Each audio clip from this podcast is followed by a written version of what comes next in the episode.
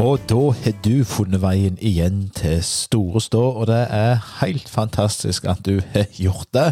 Så skal meg og min kompanjong Per Tore Salte i lag med, med mannen på feltet Brede Bergstad prøve å underholde deg ei lita stund fram i tid nå. Og det skal vi vel klare med stil, det, Per Tore? Ja, alternativet er verre, som jeg sier. Jeg, har, så jeg snakket litt med deg i innledningen her. Vi akkurat pakka vekk eh, en femårsbursdag her i huset. og Det er jo klart at det trekker seg vekk eh, til podkast etter det er jo nærmest du kommer perleporten for min del. Så jeg tenker at eh, vi kan vi kan iallfall bjude på det vi kan. Jeg skal ikke røre for mye i denne femårsdagen, men, men uh, var dette snakk med, med, en gjeng med unger, eller hva er det såkalt uh, voksenselskapsungene sier? Hvis vi skal vie ett minutt til det, så, så, har jeg jo delt opp, da. Så vi hadde jo en dyrabelig runde på Veras lekeland på M44 med barnehageavdelingen i helga. Og så kjørte vi og, to sider med 24 mann inne i stua her nå, så jeg kommer med relativt høy innbytterpuls her, men jeg, jeg overlever. Det går. Så det er sånt som må til. Godt hva som er gjort. Det er det. Uh, men vi var jo Vi skal først ta noen jubli, jublianter i, i, klubben. Edith Sele hun har vært ansatt i Bryne FK i 25 år, og Ester Rettedal i 10 år. Og eh, vi i denne podkasten og B-gjengen eh, som supporterklubb gratulerer Gratulerer de to med det. To kjekke damer som alltid eh, alltid er behjelpelige hvis vi skulle lure eller undres på noe. Så de setter vi umåtelig stor pris på. Eh, vi går videre til noe som ikke er fullt så kjekt. Det var at vi måtte tåle et eh, tap for eh, Vikingen per Tore, og dette var jo heldigvis bare en, eh, en treningskamp. Eh, men meg og deg så han, var jo der og så han i lag, og, eh, og var jo skjønt enige om at den første omgangen, den er ganske bra. Ja da, vi ser jo de tingene som vi har eh, hatt et positivt syn på tidligere i oppkjøringen. og eh, Det handler jo om det der siste Det ene siste leddet offensivt der vi liksom ikke klarer å omsette. Men vi, vi spiller det jo sånn som vi gjorde med FKH til tid. Vi spiller oss veldig godt ut og kommer til en del eh, bra anledninger offensivt. Men det er jo en grunn til klubben er linka til tre offensive spillere. Det viser jo veldig igjen i den kampen. og jeg synes jo det eh, som vi skal inn på litt senere på de intervjuene på de to defensive spillerne vi har, så det virker som om at de òg eh, merker litt på det at de får gjerne litt lite hjelp offensivt i det siste leddet. Så. Men alt i alt så helt grei kamp. Men uh, vi blir jo vanvittig hardt straffa. Jeg syns ikke 2-0 reflekterer nivåforskjellen i den kampen. Eh, det syns jeg ikke. Jeg syns det var gjerne mer en 0-0-kamp, eller eh, i verste fall en 0-1-kamp i Vikings favør.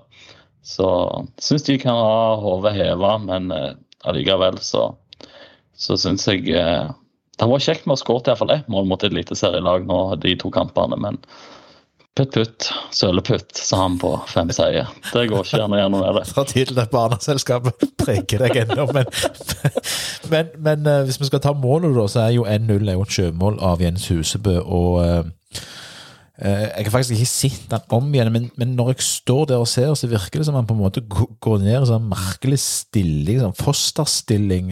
Tenker, altså, hvis du strekker foten din fullt ut der, gjerne du klarer å gjøre det det er forhåpentligvis prøvde på å få ballen ut til corner. Ja, jeg, jeg, har sett han i ettertid, jeg, jeg tror han rett og slett mister balansen. Så det er jo et helt sånn tilfeldig mål. Eh, men jeg syns vi var litt på hælene når de hadde de målene i returløpet. Vi var litt på hælene. Det, det, gjør jo at vi kommer litt i ubalanse og får litt lite oversikt, så eh, det er jo selvforskyldte mål. Men eh, akkurat det, det, det tok litt piffen ut av kampen. Det merka vi at eh, det var liksom Det kom litt ut av det blå, og da Det ble liksom det ble, stev, det ble stemninga litt utover kampen òg, når de skåra et relativt kjapt etterpå. Så det var litt synd, for eh, jeg tror hvis vi hadde holdt de til pause, så tror jeg vi hadde fått gjerne litt mer igjen av den andre omgangen. For nivået på begge lag eh, datt jo ganske greit, syns jeg. Så eh, synd. Men eh, det virker som om at han er i ubalanse, og da er det jo sykt eh, tilfeldig og uheldig. Så får vi håpe sånne ting er luka vekk når det begynner å spille som poeng, tenker jeg. I ettertid. Men der og da så er det sykt surt. Eh, har du, har du fått analysert 2-0-målet òg? For der òg virker det som om Sondre Nordheim snur litt råa til. Ja, eh, det syns jo Altså, skal jo ikke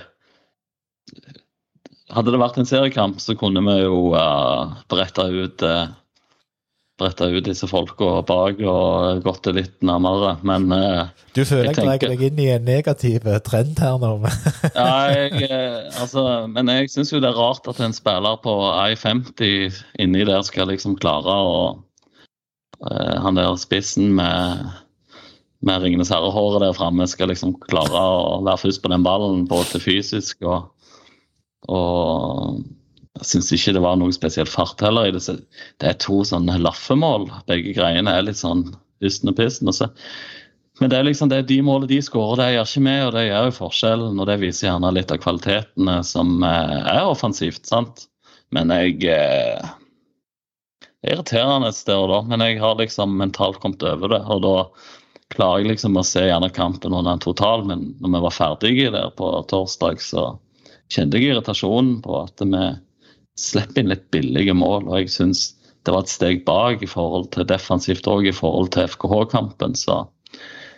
eh, men jeg tenker at eh, vi får bare lære av det. De skal vel evaluere og gå igjennom dette her og har nok gjort det allerede og skal nok fortsette med det. Så de, de trenger som alle sier før vi går videre, vi trenger nok litt mer eh, hjelp offensivt. For det beste forsvaret er å skåre mål, og det gjør vi jo veldig lite av de to kampene. og Det viser godt igjen i spanspillet, syns jeg òg.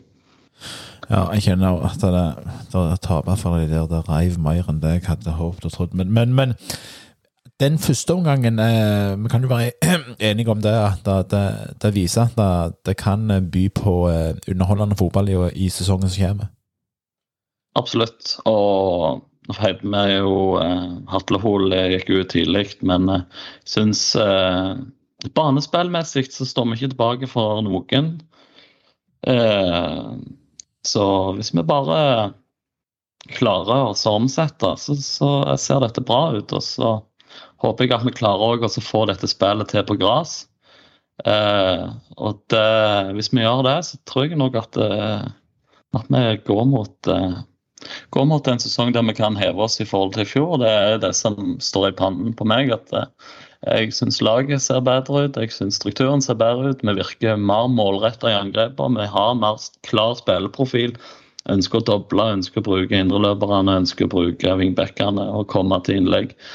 Eh, så er det den der siste brikka som må på plass offensivt. Når den er på plass, og hvis det blir en sperre som passer inn de planene, så skal ikke, skal ikke vi kimse av det laget som vi har, for det er mye bra spillere. Det er bra bredde. Det er en del bra spillere òg som sitter på benken.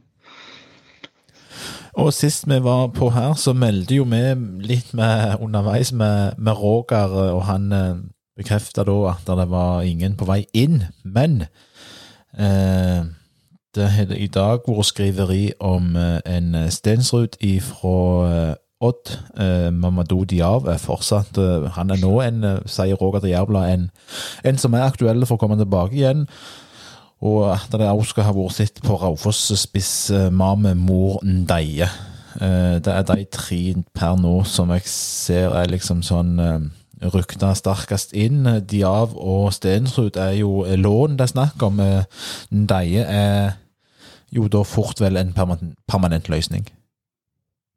Ja, det blir naturlig. Og det virker jo som at de sikter seg inn på gjerne å få inn to offensive spillere. og Det er jo ingenting som er bedre, for meg, som har veldig lite å spille på. Vi ser hvor sårbare vi er med en gang eh, Robert ikke er med, som vi har nevnt det 10 000 ganger, og vi kommer til å nevne 10 000 ganger til. Vi, vi har så lite å gå på der, og vi har så lite X-faktor i boksen at vi trenger, vi trenger noe å gå på. Eh, og så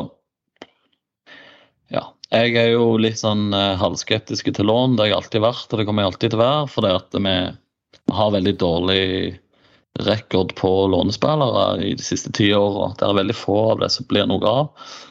Uh, men jeg skjønner jo at det gjerne det, landet er der at vi at økonomisk og framtidsmessig så er det gjerne spillere som skal i teorien gjerne ikke spille i Bryne permanent, så håper jeg jo samtidig at vi kan lande en permanent spiller og bygge et lag. Fordi at eh, fotball er såpass ferskvare at vi, vi, trenger å ha kvaliteten permanent inne.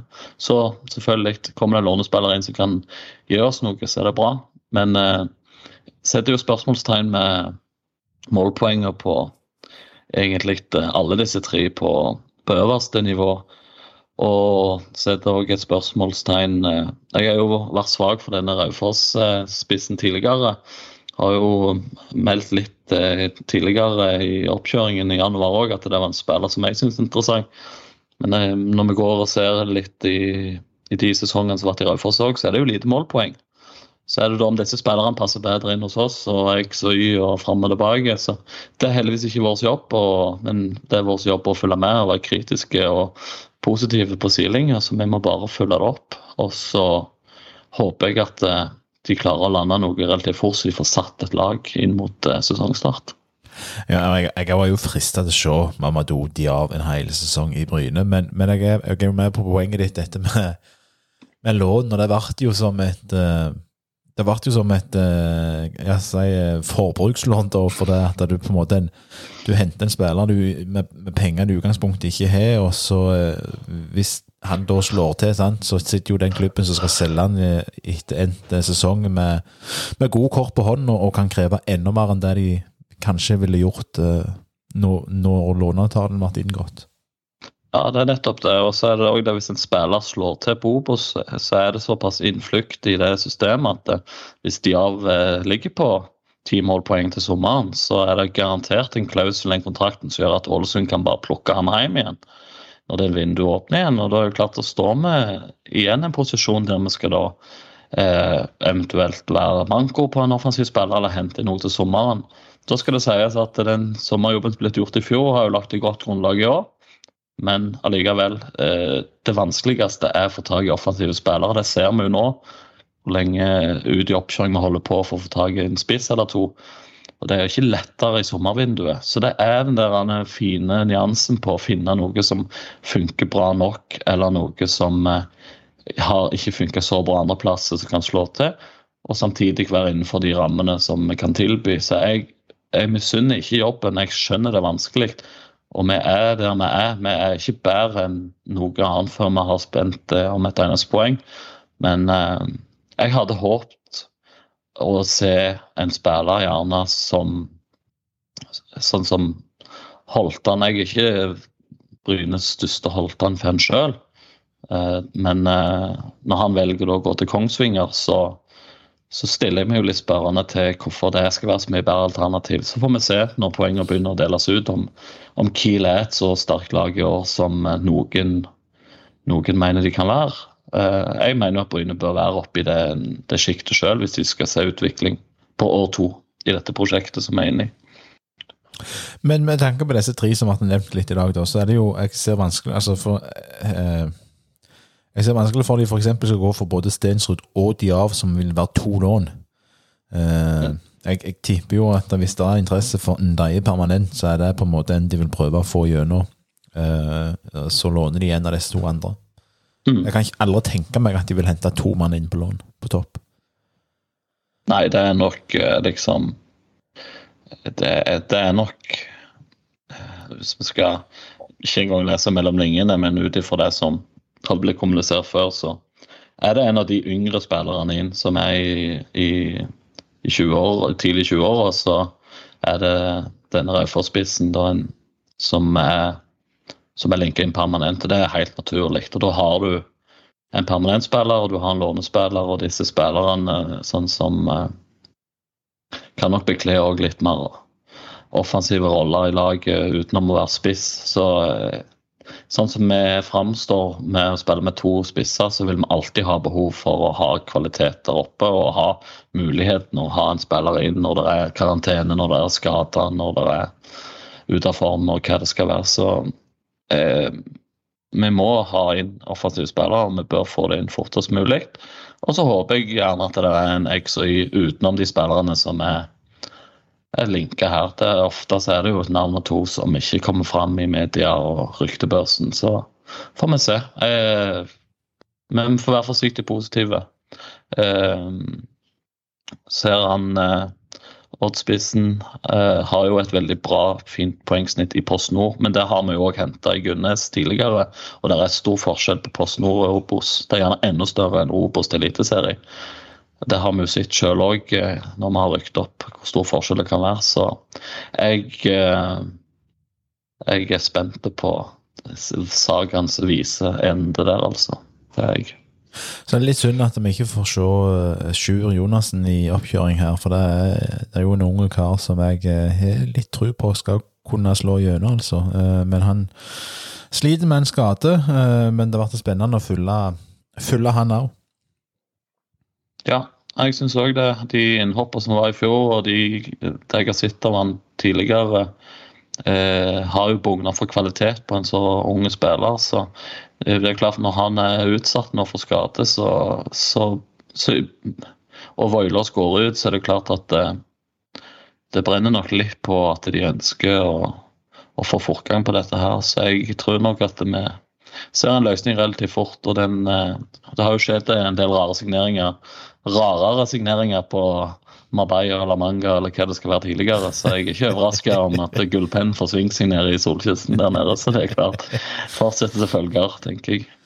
Ja, og når du er inne på det, så skal Bryne altså på treningsleir til Marbella nå på, på lørdag. Der skal de spille to kamper. De skal ha en kamp 26. Eh, mot Hødd. Og den skal foregå sånn tre ganger 20.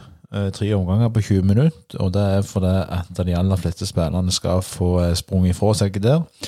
Og så skal de ha en ordinær kamp 5. Eh, mot, mot FC Honka. Og du, Per Tore, du er jo Store Stås egen ekspert på finsk fotball.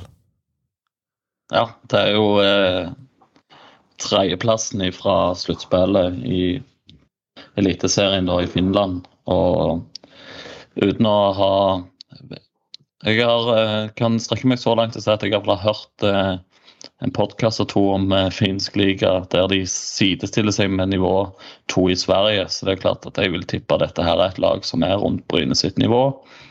Vi mimra jo litt her i begynnelsen òg med storspilleren Chris Bright som var innom Bryne, som kom fra FC Honka. Vi så jo hva det bærte frukter. Så det er klart at det, det her er jo på nivå med med oss sjøl. Så det er sikkert en grei motstander som vi treffer nede der.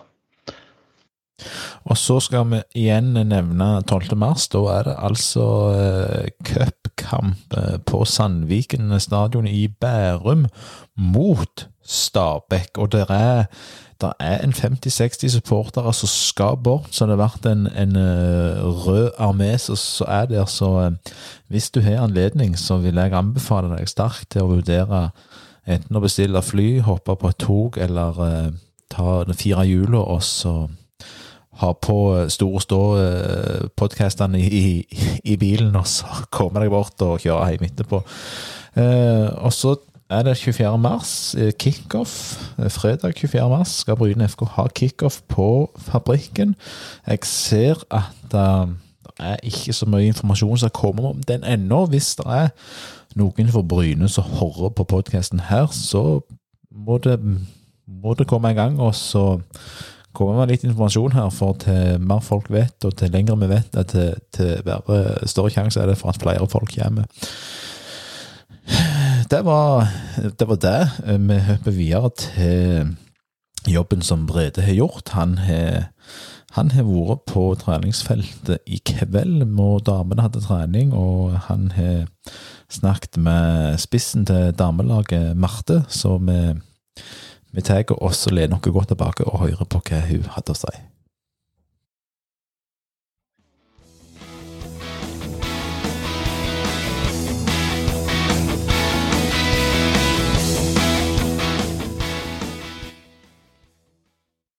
Ja da, nå sitter jeg her med Bryne sin storskårer gjennom tidene på damesiden, iallfall. Marte Kristine Johannessen. Dere har hatt tre av tre seire i innledningen og på prisisen. Hvordan sitter du hjemme etter de kampene? Nei, Først og fremst veldig fornøyd med tre seire. At det ikke var så starta året med det i forhold til hvordan vi starta i fjor. Så vi starta mot Vidar her hjemme. og det var mange som fikk prøvd seg og vise seg fram. Og vi viste at vi hadde mye som, mye blir bra denne sesongen her. Og så hadde vi en kamp mot Klepp, der uh, vi spiller en jevn kamp mot Klepp og drar det i land med to mål. Så det er jo alltid, alltid gildt å slå Klepp, det er jo ikke skjedd før. Så vi viser jo at Bryne er på vei opp og fram, og at i år mener vi alvor, og vi har lyst til å være med på dette her. Og så hadde vi en bortekamp mot Avaldsnes 2, der vi òg legger ned et godt arbeid og får jobbe med det som vi har jobbet veldig godt med på trening de siste ukene. Jeg ser den kampen mot Klepp spesielt. Der ser jeg ikke deg hjemme og ser på. Og Klepp er et førstedivisjonslag. Altså, vi svelger jo de ut til tider. Ja, er, Jevnt sett så er det en jevn kamp. Uh, vi viser at vi, vi, står godt defensivt. Klepp slipper ikke gjennom til noe omtrent. Og så tar vi mulighetene når vi får dem på både kontring og oppbygging i spillet. og Vi viser at uh, vi jobber godt de ukene nå over jul, og at vi er klar for fortsettelsen. Og du som er storskårer, som jeg var inne på, du kom helt liten Zlatan der mot Klepp. Kan du si hva du tenkte rett før det skjedde? ja, det var jo et gildt mål, men uh, som spiss så går det litt på instinkt. Så når jeg fant den ballen og så at keeper var langt ute, så, så er det jo bare å sende ballen av gårde. Og ja, håper på at vi får den i nettet, og det gjorde vi denne gangen. Så det er alltid deilig, det. FK Haugesund til helga og fortsettelsen. Hvordan ser du på denne gruppa i år i forhold til hvordan det har vært i fjor? FKH er et uh, veldig bra lag i år. De er vist uh, med sterke seire bl.a. mot Fyllingsdalen og Anna Bjørnar. Uh, så vi møter tøffe motstand til helga. Men vi viser også at vi er et bra lag som hever oss veldig fra i fjor. Og at vi skal gi dem kamp, det skal vi absolutt. Og så håper vi vi tar med oss læringa fra de andre kampene og fortsetter med det mot Haugesund. Og at vi viser at det som vi trener på på feltet, òg viser igjen i kamp. Så det får være målet til helga. Og så er det kommet inn nye spennende spillere, som bl.a. Filippa Wiig eh, fra Klepp. Hvor viktige er de som kommer inn, og hvor stor, hvor stor, trygghet er det for dere? Og hvor stor konkurranse blir det for dere, de nye unge som kommer inn og vil gjøre alt for å få sin faste plass i denne startelveren? Det er jo egentlig alfa og omega at vi har fått inn så gode spillere som vi har fått. Både i Filippa, vi har fått inn Sandra, eh, vi har fått inn Anna, Siri, Vilde, Tonette og eh, mange gode spillere. I tillegg som et trenerapparat som er helt nytt, som også er virkelig med og drar dette opp. Og motiverer oss hver eneste dag til å legge ned jobben på hver økt. Så vi har fått en mye bedre bredde i laget og viser at uh, selv om vi gjør en del bytte i løpet av en kamp, så, så holder vi oppe tempoet. Og, og, det blir ikke så oppstykka spill som det gjerne ville vært hvis en ikke har så bred tropp. Da. Så veldig, veldig positivt. Herrelaget så rett før jeg kom her at det blir ikke snakka om de som en kvalikfavoritt. Det blir heller ikke snakka om som dere som den store utfordreren. Men dere har jo noe i denne troppen som kan gjøre dette spennende. Hvor langt har dere lyst til å ta dette damelaget? Nå er det jo først og fremst en ny divisjon i år, eh, så det blir spennende å se hvordan, hvordan nivået faktisk blir der. Vi vet det blir tøft, eh, men vi vet òg hva som bor i denne gruppa. Så målet er jo aller fremst å få et stabilt lag som viser at vi hører til hjemme der. Og etablere oss i divisjonen. Og så selvfølgelig, hvis vi ser at vi er gode nok, noe vi har lyst til sjøl og håper at vi virkelig får til, så ønsker vi jo selvfølgelig å kjempe i toppen med, i lag med de andre lagene som, som vil ligge der oppe. Vi er jo mange tøffe motstandere, både i Molde, vi har Viking. Eh, det er flere eh, toerlag fra toppserien som har bra lag. Så det blir en tøff divisjon, men eh, vi har lyst til å henge med i toppen, vi òg.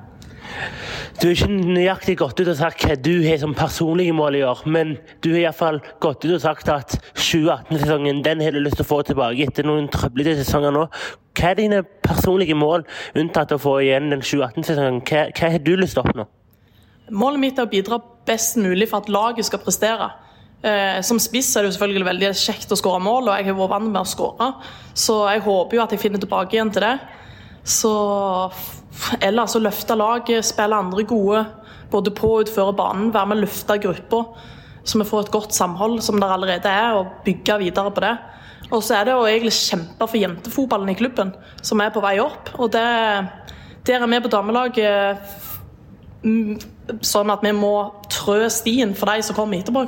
Og da blir det en del av vår posisjon i år. Masse lykke til med kampen mot FK Haugesund nå kommende til helga og resten av sesongen. Tusen takk for det.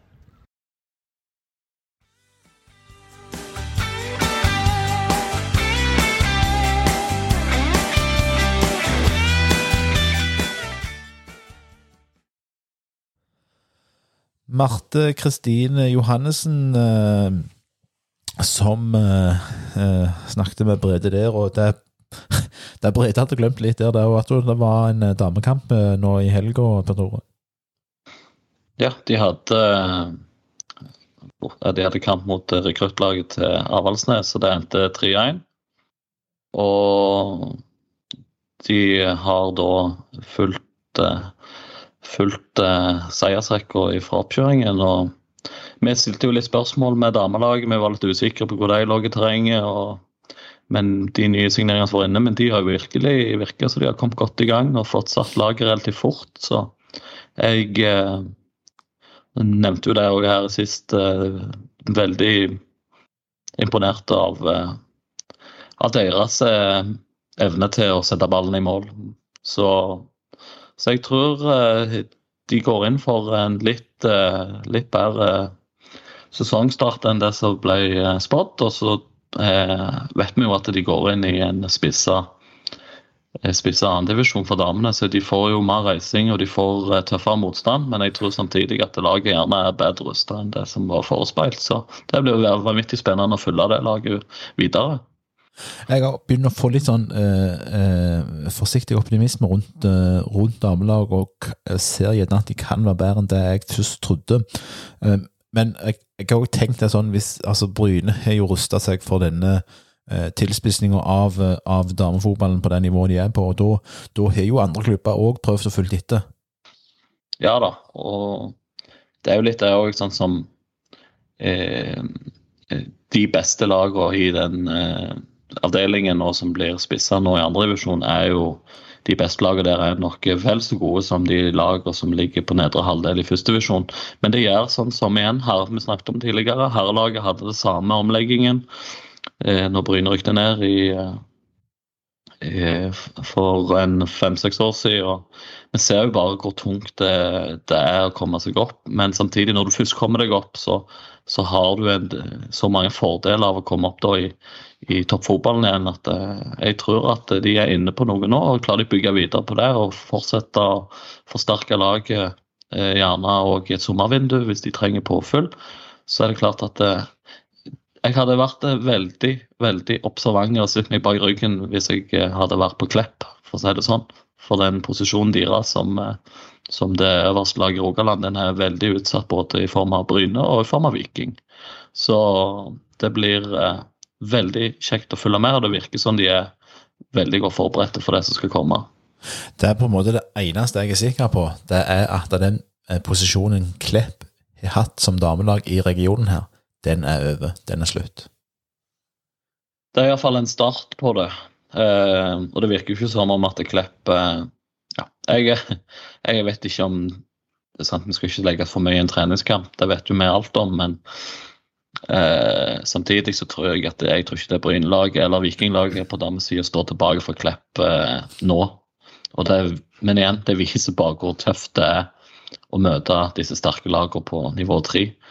Så, så, Men eh, som igjen, jeg hadde hatt eh, lite svetteperle på ryggen hvis jeg hadde vært på Klepp, fordi at eh, nå tror jeg at eh, deres tid gjerne som, eh, som klubb, og jeg den er jo litt allerede utsatt, og gjerne interessen har nå fordreid seg både eh, nord i Rogaland og lenger sør i Rogaland. Så hegemoniet er over, men så, så har de jo den førstevisjonsplassen som de kan gjerne nytte så lenge de kan. Men jeg, den dagen et av de lagene her i Rogaland, eventuelt Haugesund òg, som er på vei opp med sitt damelag, hvis et av de lagene kommer over Klepp på et eller annet tidspunkt, så er, så er nok den eh, historien over for Kleppe damelaget. Og det, det, tror jeg skjer før eller siden. Men om det blir Bryne, eller om det blir Viking, eller om det blir Haugesund, som virkelig òg satser, det blir jo det store spørsmålet. og det, det er litt det som er litt kult å følge med òg nå. For nå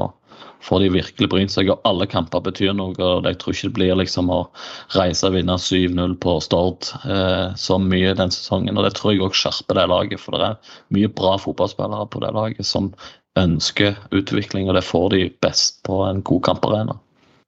Vi får bare følge med og håpe at, at det blir Bryne som, som skal overta den tronen der eh, først som sist. Eh, damelaget de reiser til Haugesund på lørdag og skal spille treningskamp mot eh, FKH klokka 15 på, i Storhallen på Karmøy. Eh, det er det den heter. Storhall, Storhallen på Karmøy. Ja, kan vi ikke bare si det? Vi Ja, kan vi han den til det, i hvert fall. Ja. Ja, Det, det, det var det sa- samme, samme plass som herrelaget spilte mot FKH, i hvert fall, på, i uh, innendørshallen på Karmøy. Yes. Uh, Brede han er ikke ferdig for dagen. Han har også vært og snakket med, med klubbens to midtstoppere, og førstemann ut der, det er Jens Husebø.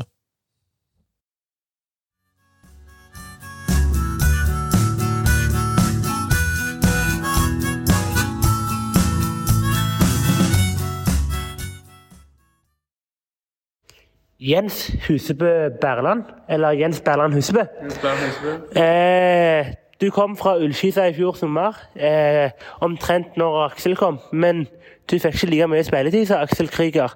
Men i treningskampene i år så har du fått en del spilletid og fått vist hva du virkelig kan tilføye laget. Ja, eh, det var jo tung, eh, et tungt fjorår, egentlig. Jeg sleit mye med, med, med, med kroppen. Eh, Ja, sleit med akillesene og, og ja, det var jo Spesielt i, i starten så, så kom jeg meg ikke inn i laget, og så, og så på slutten, siste, siste halvdel av, av fjoråret, så ja, var jeg jo egentlig ikke med. Da var jeg bare og trente alternativt og, og var med på benken i tilfelle det skulle skje noe. Eh, så det var jo et, eh, det var et tungt år, og så er det kjekt å være frisk og, og kunne bidra nå. Ja. Men er ikke det så typisk da når du får sett et så bra forsvar at det blir vanskelig å komme inn i et såpass bra lag som Bryne var på den tiden i fjor?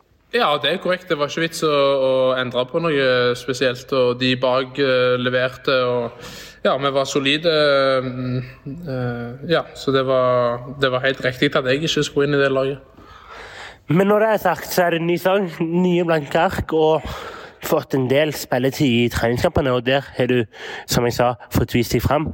Hvem mer har du å tilføye dette laget? Hva mener du sjøl at du kan jobbe mer med? Nei, altså det viktigste er at uh, vi fortsetter ikke å slippe til sjanser. Uh, og det er vel eh, det har vi gjort. Vi har sluppet til veldig lite. Vi har vel vi har sluppet, til, sluppet inn fire mål de siste to kampene nå, men det har vært det eneste de har hatt av, uh, av muligheter. Så det er jo det. Og så vil jeg jo bare være skadefri og fortsette å, å, å liksom, ja, jobbe hardt. Og så får vi ta det dag for dag.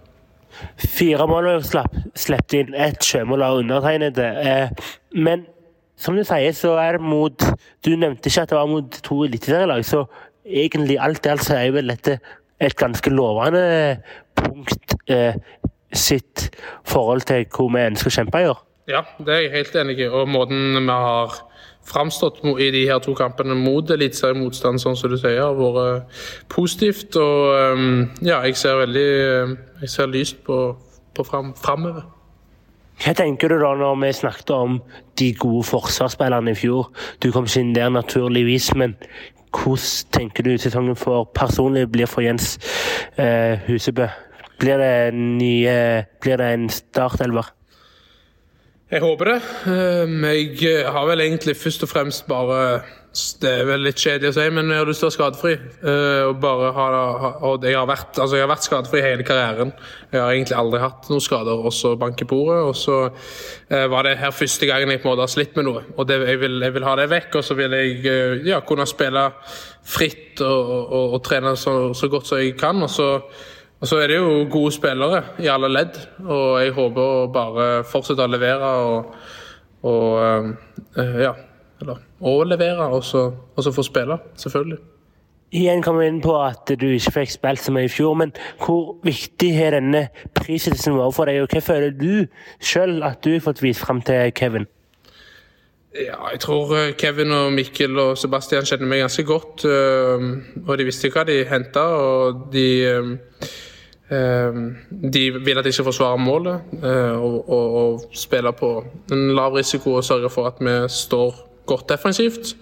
Eh, Og det eh, føler jeg at jeg har vist. Og så har det bare som sagt vært kjekt å, å liksom komme skikkelig inn i laget. Og være frisk og få spille og få trene. Og så, så, så det har betydd mye å kunne spille fotball igjen, selvfølgelig. Lørdag da reiser dere på en enormt viktig treningsleir der dere skal spisse formen mot Stabæk-kampen. Hva hva blir målet med den treningsturen? Du var litt inne på det med Aksel Krüger, men hvordan ser du målene både eh, personlig mål og laget sitt mål? Hva skal, hva skal vi lære ut av denne treningsleiren? Det blir jo å fortsette å bygge lag, eh, få trent godt, eh, gode omgivelser, gode fasiliteter. Og så eh, bygge, bygge videre på, på den defensive soliditeten og krydre det med litt ekstra Med litt mer eh, Hva skal jeg si Litt mer eh, kliniske formål. og så gjerne skåre et par mål, og så og være, ha overskudd og, og energi til, til vi møter Stabæk. Hva tror du dette Bryne, årets Bryne-lag kan gjøre, og hvor langt kan dette gå? Jeg tror vi kan gå så langt som eh, vi vil sjøl. Altså, vi må bare eh, hvis vi, hvis vi er på hver dag, hvis vi legger ned det arbeidet vi skal hver dag, så tror jeg det bor nok kvalitet i det laget til å, til å oppnå, oppnå bra ting. Um, vi har absolutt forutsetninger, mener jeg, for å, for å hevde oss i, i den topp seks-kampen. Og, og så får vi se hva, som, hva året byr på. Hvor stort hadde det vært for klubben om vi hadde klart topp seks, og hvor mye snakker dere om det nede i garderoben, at det det blir målsettinga? Det hadde vært selvfølgelig stort for klubben. Det er jo en, eh, det er jo en viktig plass å komme seg. Um, og så er det ikke for mye vi snakker om det nede i garderoben. Jeg syns vi alle bare egentlig er flinke til å være påskrudde hver dag og, og tenke på det vi får gjort i dag. Eh, og så um, og så er jo selvfølgelig, tipper jeg mange der nede sitter og tenker på og, og ønsker at, at vi skal klare det. Eh, men vi har ikke hatt noe sånn spesielt mye snakk om det, nei. Hvordan er det dere pusher hverandre i hverdagen, og hvordan er moralen i gruppa? Jeg syns moralen er veldig veldig bra. Jeg syns vi, synes vi er på. Jeg syns vi har veldig veldig sjeldent dårlige treninger. Eh, Jeg syns det er mange som er flinke til å ta tak. Det er mange som er flinke til å spre energi. Og så syns jeg folk eh, Jeg synes folk jobber veldig hardt eh, og, og er til stede hver dag. Tusen takk, Jens, og masse lykke til mot Stabæk treningsleir og resten av sesongen. Tusen takk skal du ha.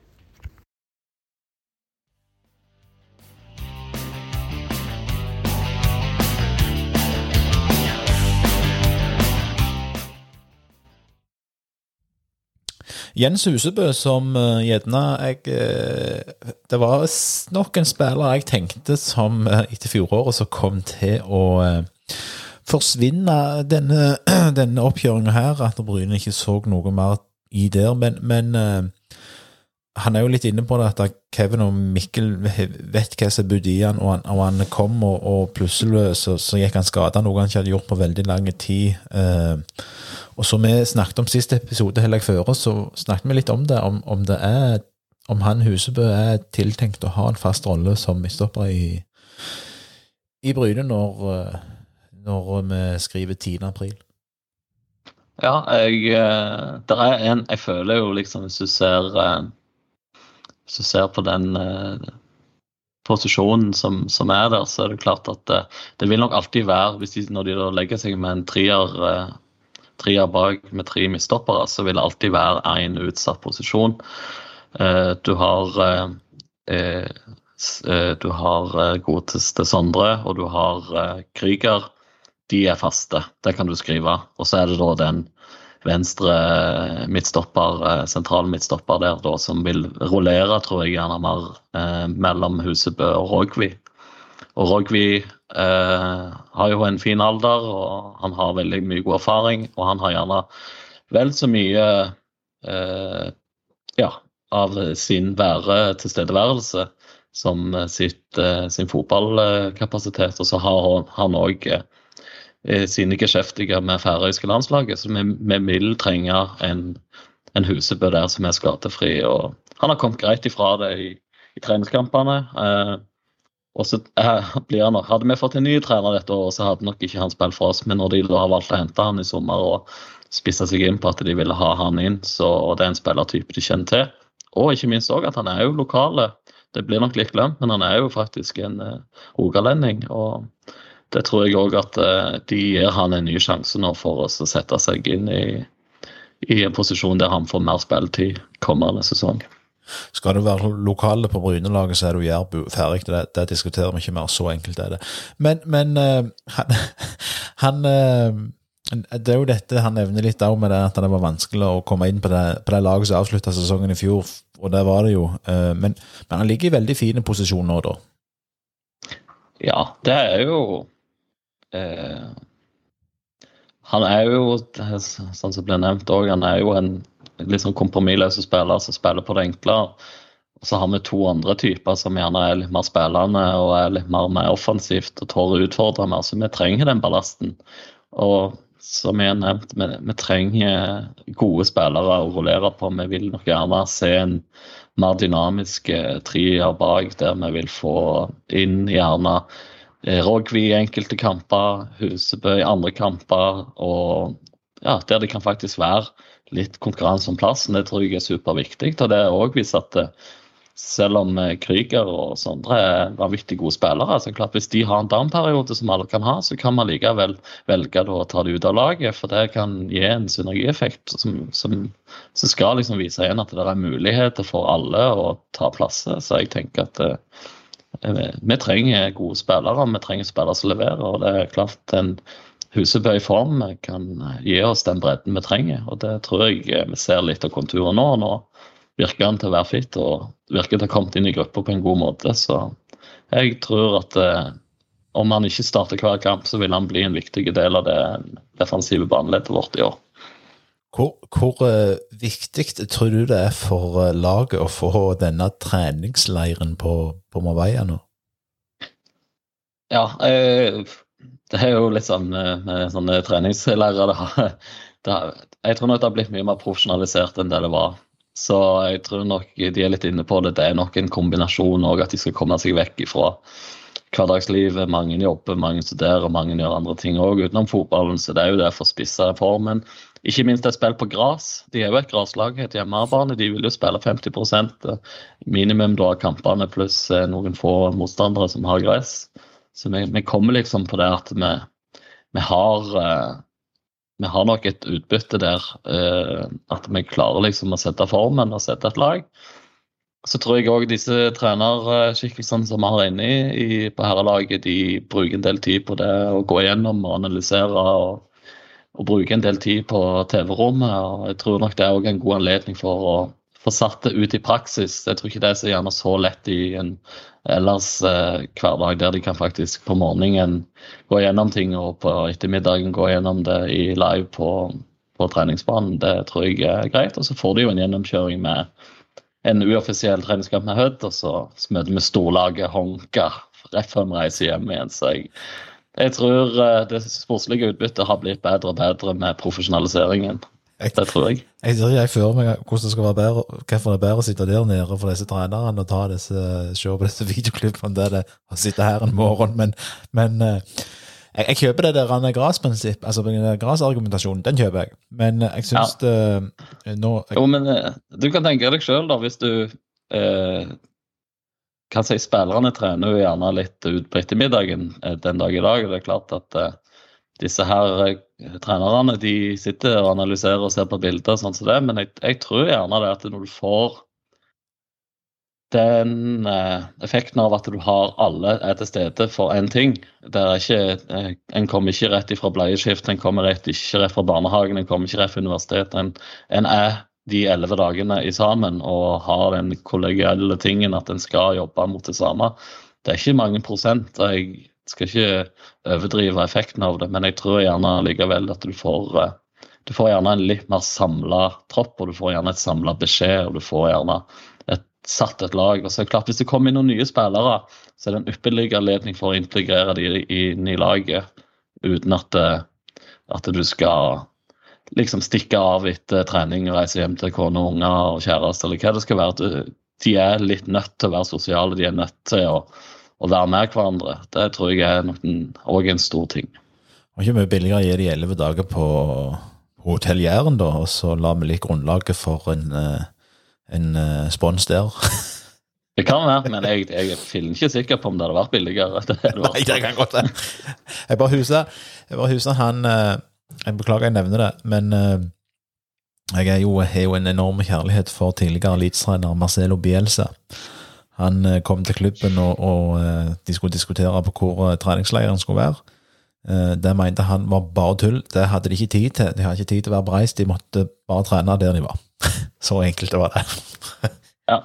Og det er jo sånn en tankegang funker jo veldig bra i en kortere periode, kanskje. Og så, så er det jo Jeg tror nok eh, det sosiale aspektet òg har mye å si, og det tror jeg vi ikke skal undervurdere, men allikevel så kan en jo stille spørsmål. Men eh, jeg, igjen, vi får, eh, vi får se. Alt skal liksom eh, bogne ned i denne cupkampen og i seriestarten som kommer, så jeg får håpe at de får eh, godt, godt understøtte. Jeg tror ikke det blir en hvileheim. eh, Det tror jeg ikke. Så det er alltid godt med, med sol og varme, og det kunne jeg òg eh, godt tenkt meg nå i den perioden vi er i nå. Men eh, vi skal videre til en, eh, til en kar som de aller fleste gjerne ikke trodde de kom til å få høre noe ifra her i, i eh, studio, og eh, det har jo noe med, med min eh, vilje å, å gjøre, og min min form for å tenke langt tilbake i tid. For vi har fått med oss Aksel Krüger, og Brede har snakket med han, og aller helst så skulle jo jeg hatt uh, Krüger i et, eh, i et studio første gang for å bare rydde opp og være litt sånn ferdig med ting og tang, men uh, eh, hvis det er noen der hjemme som eh, tenker at de har et lokale som står ledig i nærheten av Bryne stadion, så, så er vi veldig glade hvis vi får låne, låne det for free, for det, det hadde vært litt deilig å fått uh, samles i en- nytt studio og kunne invitere inn eh, de gjestene som vi har med. Ja, og vi Det er jo det, den eh, oppsettet vi har nå, er jo veldig ryddig og greit, og teknisk veldig greit sånn sett, men eh, du får ikke den face to face-relasjonen gjerne med folk. Den tar jo bredde og gjør det på en god måte, men eh, vi sitter jo på hver vår, hver, hver vår eh, teppebyggelse, og du sitter i storbyen, jeg sitter på bygda, så det er klart at eh, Men eh, vi at vi kunne gjerne hatt en kombinasjon. At vi hadde hatt en mulighet til å gjerne vært litt mer face to face. Det er noe helt annet. Det er helt enig i det. Det er det, og eh, vi håper en eller annen gang at vi får til det. Og da skal vi Da kan jeg love at vi skal ha en eh, rykende god episode der eh, meg og Krüger har hovedrollene, og det tror jeg både meg og han gleder seg til. Men vi, nå i første omgang så tar vi høyre på hva han hadde å si til Brede.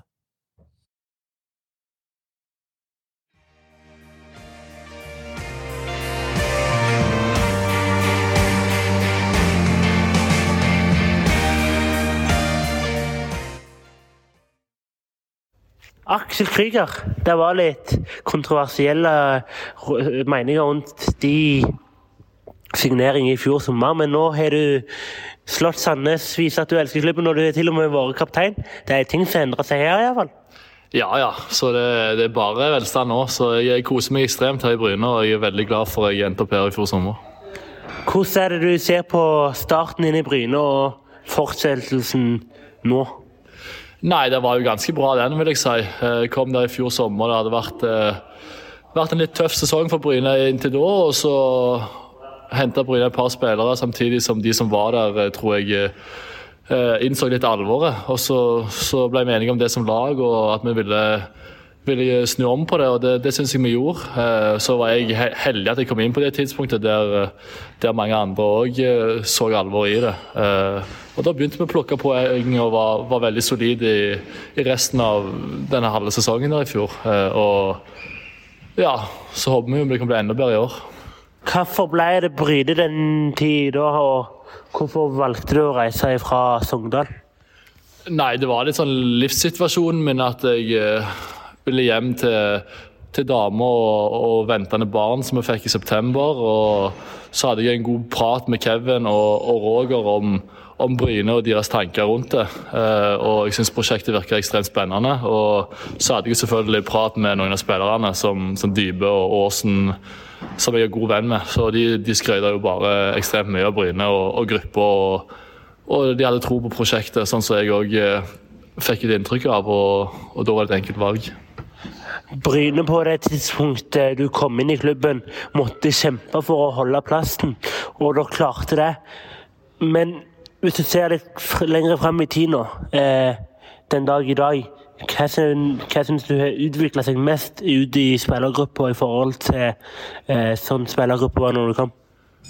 Nei, det er jo Altså, kvaliteten syns jeg ble bedre og bedre utover, utover, sesongen i fjor. Liksom Ikke bare i kamp, men på, på trening òg. Og jo bedre du trener, jo bedre gjør du det som regel i kamp. Eh, og det syns jeg var bra. og Siden vi fikk den oppturen som vi gjorde på, på slutten av, av fjoråret, så syns jeg vi har tatt med den positiviteten inn i treningshverdagen nå etter, etter jul og, og nyttår. Så, så da syns jeg vi, vi har trent bra, og sett bra ut på trening. og og fått inn selvfølgelig noen spillere som òg eh, vil heve kvaliteten vår, og, og, da blir det som regel bra.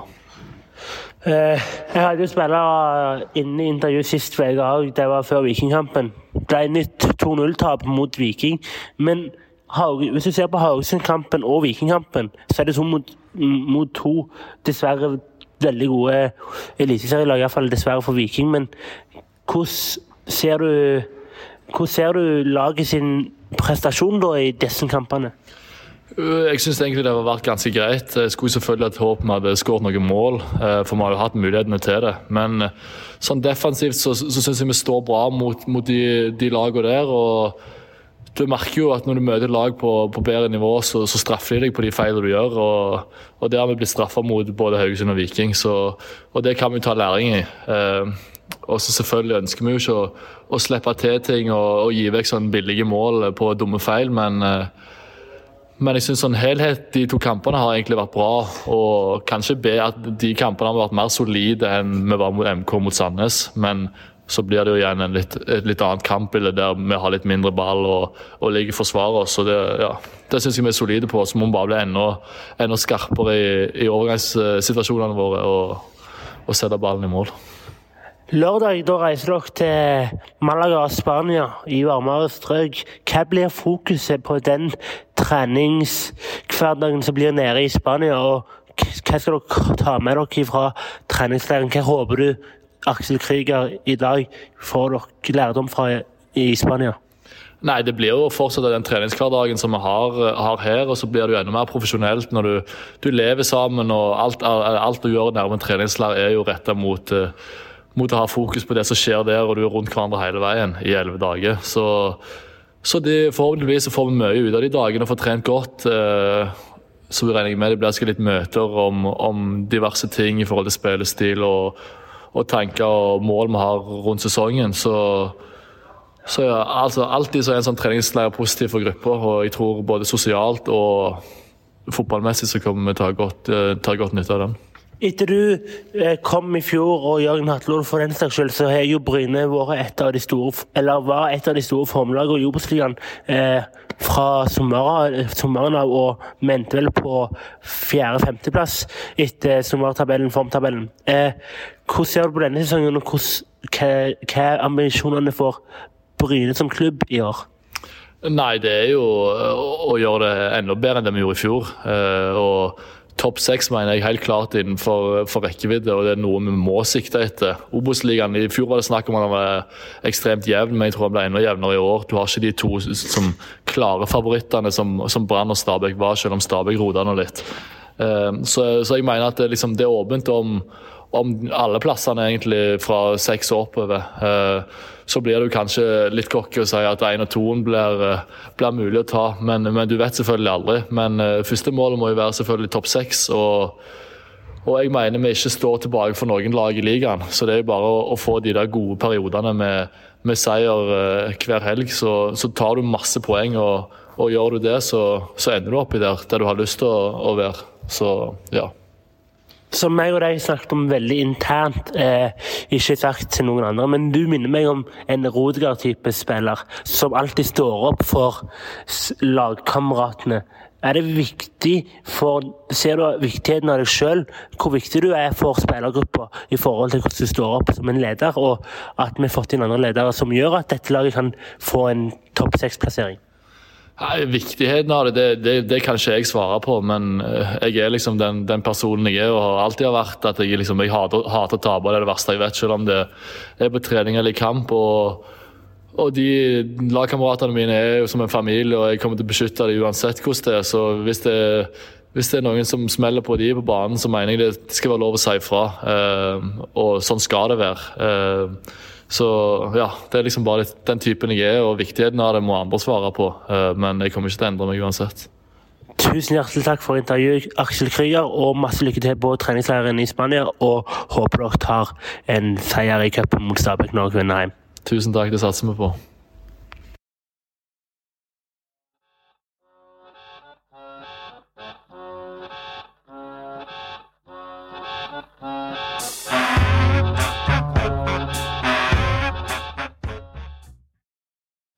Det var Aksel eh, Krüger som eh, har vært en veldig viktig brikke for dette Brynelaget siden han kom inn i sommer fra Sogndal. Ja, det er jo eh, sammen med som nevnt tidligere episoden òg, sammen med Sondre, så er det jo Vil jeg jo påstå at vi, vi har gjerne to av de ti beste midtstopperne i, i ligaen. Og, og han og Hatlehol som kom inn i sommer, da som virkelig de signeringene som kom i sommer, som uh, bidro til å lufte, lufte laget. og virker som at det var liksom helt utslagsgivende for at vi skulle lande på to bein. Så det er klart at uh, å ha han inn i hele sesong og, og bygge rundt uh, det defensive tryggheten som en sånn spiller gjør, det tror jeg vi skal høste godt av. og så blir jo litt Jeg er jo ikke så veldig sånn har jo eh, ikke så brei dialekt som eh, noen ønsker, og jeg har ikke den store store fylkes eh, fylkeskjærligheten. Så jeg syns jo en spiller fra Lura kan komme unna lokal profil, og jeg er jo veldig glad for at en sånn spiller velger å ha kommet til Bryne. Vi vet at Ulf var på banen, og vi vet at Dypevik og Vegard Aasen var en avgjørende faktor. Og Jeg håper jo at Krüger og Dype og Landu og alle disse her nå kan gi oss mm, den dimensjonen som har mangla mot det der ekle tegneserielaget fra Østerhus Mickey Mouse Arena inni der, at vi kan ta de. Det vil være det første steget liksom, i en opptur vi har liksom stått litt tilbake for dem. Jeg syns den treningskampen mot dem viste at vi, at vi har nok eh, noe å komme med. Men det der å levere i de avgjørende kampene, det er noe vi har mangla. Og det mangla vi i fjor. Eh, og vi trenger disse spillerne på tå hev, og vi trenger de i toppform. Og det tror, jeg, eh, det tror jeg vi får. Så det blir vanvittig spennende å følge utviklingen videre. Og så er det, Han er jo inne på det som vi snakket om mange ganger eh, tidligere når, det, når de har hatt Hortes intervju, at de, de, står ikke tilbake for noen, tror han. og At topp seks ble en sånn naturlig eh, målsetning. Eh, det skal bli interessant å se på, Tore, hvor Jeg gleder meg iallfall til å se hvor du har tenkt å plassere Bryne når vi kjører et sånt tabelltips tror gjerne ikke det er like mange som er så spente på hvor jeg har tenkt å plassere dem. For det blir sikkert noenlunde det samme, tenker folk. ja, det, det, er jo Det må jo si at uh, når jeg begynte i denne podkasten, så er det faktisk noe jeg gleder meg uh, mest til. Jo det, for jeg har jo, har jo liksom uh, jeg har jo gjerne vært litt imellom de mest positive og båndslamme, sånn som du har valgt å komme med med, med niendeplasser. Men det viser jo igjen at eh, du traff jo ganske bra i fjor, da, som en av de få. Så det er klart at uh, jeg eh, Du kan si det sånn, da, at uh, det er såpass liten Hvis vi hadde liksom klart gjerne bare slått Ulf én gang og fått med oss en av de jevne kampene som vi tapte i innledningen, og fått med oss noen poeng, så er jo Eh, så er det jo enormt liten forskjell på Bryne, hvordan vi landa i fjor, og opp til en kvalikplass. Så det, hvis en går og ser på tabellen, så skiller det gjerne bare 6-8 poeng, og det er så lite som skal til. Og det er det som er spennende med Bryne i år, at samtidig som, som Krüger også er inne på, at det, de dårligste lagene og de beste lagene har jo forsvunnet fra ligaen. og det er mer, mer spissa eh, på storklubber som kommer opp, og det er gjerne mer jevne lag som ikke har noe Eliteserien å gjøre, med KBK Jerv. Sånn at vi, vi får nok en, en umåtelig jevn liga der det vil skille veldig lite. Så, så jeg, jeg, er forsiktig optimist. Men eh, jeg tror nok de skal først og fremst tenke på å posisjonere seg bedre i forhold til en kvalikplass. Og han er jo litt innpå det, til og med han som en, en gauk fra Sandnes-området klarer liksom å begrense seg for at en skal komme på nummer én og to. Det høres jo enormt hårete ut for min del òg. Ja. Nei, men eh, vi gleder oss til det tabelltipset. Det kommer ikke helt ennå. Vi må ha noe tid der det forbereder dere. Så blir det det blir jo deilig å ha det med noen andre enn de Sæland og Tuba og dette greiene. Altså, hadde ikke de vært med i fjor, så hadde det meste av tabelltipset til denne podkasten vært fasit. Det er jeg helt sikker på. Ja, da, det, da har jeg kommet inn sånn, får jeg være den positive og dra i den positive retningen, men det er klart at eh, er visse farer for du må Ja. nei av. Ja, jeg, eh, jeg tenker at jeg kan ta på meg det alibiet samtidig, så Spesielt, jeg skal ikke svare for Seland, for han kan ikke forsvare seg her. Men jeg vet sånn som Tua, han er jo Han er jo helt uh, Han har jo på seg Brynebrillene, så Og Brede, han blir jo revet med. Så det er klart at uh, jeg skal, skal komme inn med, med et, eh, et smil og allikevel ha, ha liksom refleksjonene i bånn. Jeg tenker at eh, jeg skal klare å stå inne for det utover sesongen. For det ble jo det ble jo veldig fort tydelig at eh, de, den positive vinklingen som var allerede i fjor, den fikk seg jo et skudd for baugen. En god bulk i sidedøra når, når de første fem kampene våre er gjort. Så Jeg foreslår den episoden som ringer vi til Sæland og hører med, og hører med Gjerne vi skulle hatt han med den episoden og vært med og, og hjulpet oss under dette her tabelltipset. vi kan jo ha en eh, kan jo ha en eh, throwback-episode med gjennomgang av fjoråret. Kan, han kan tenke etter i henseende. Men det er klart at eh, jeg vet ikke om, om det svaret du får er bedre i år enn i fjor. Det får du se. Det får, vi, det får vi se, og det blir ikke neste uke. Men vi får se hva vi finner på neste uke til dere, for det, vi kommer tilbake med, med en ny episode da. Så eh, takk for at du var med nå, og så håper vi du dukker opp igjen neste uke. Heia. Heia. Bryne.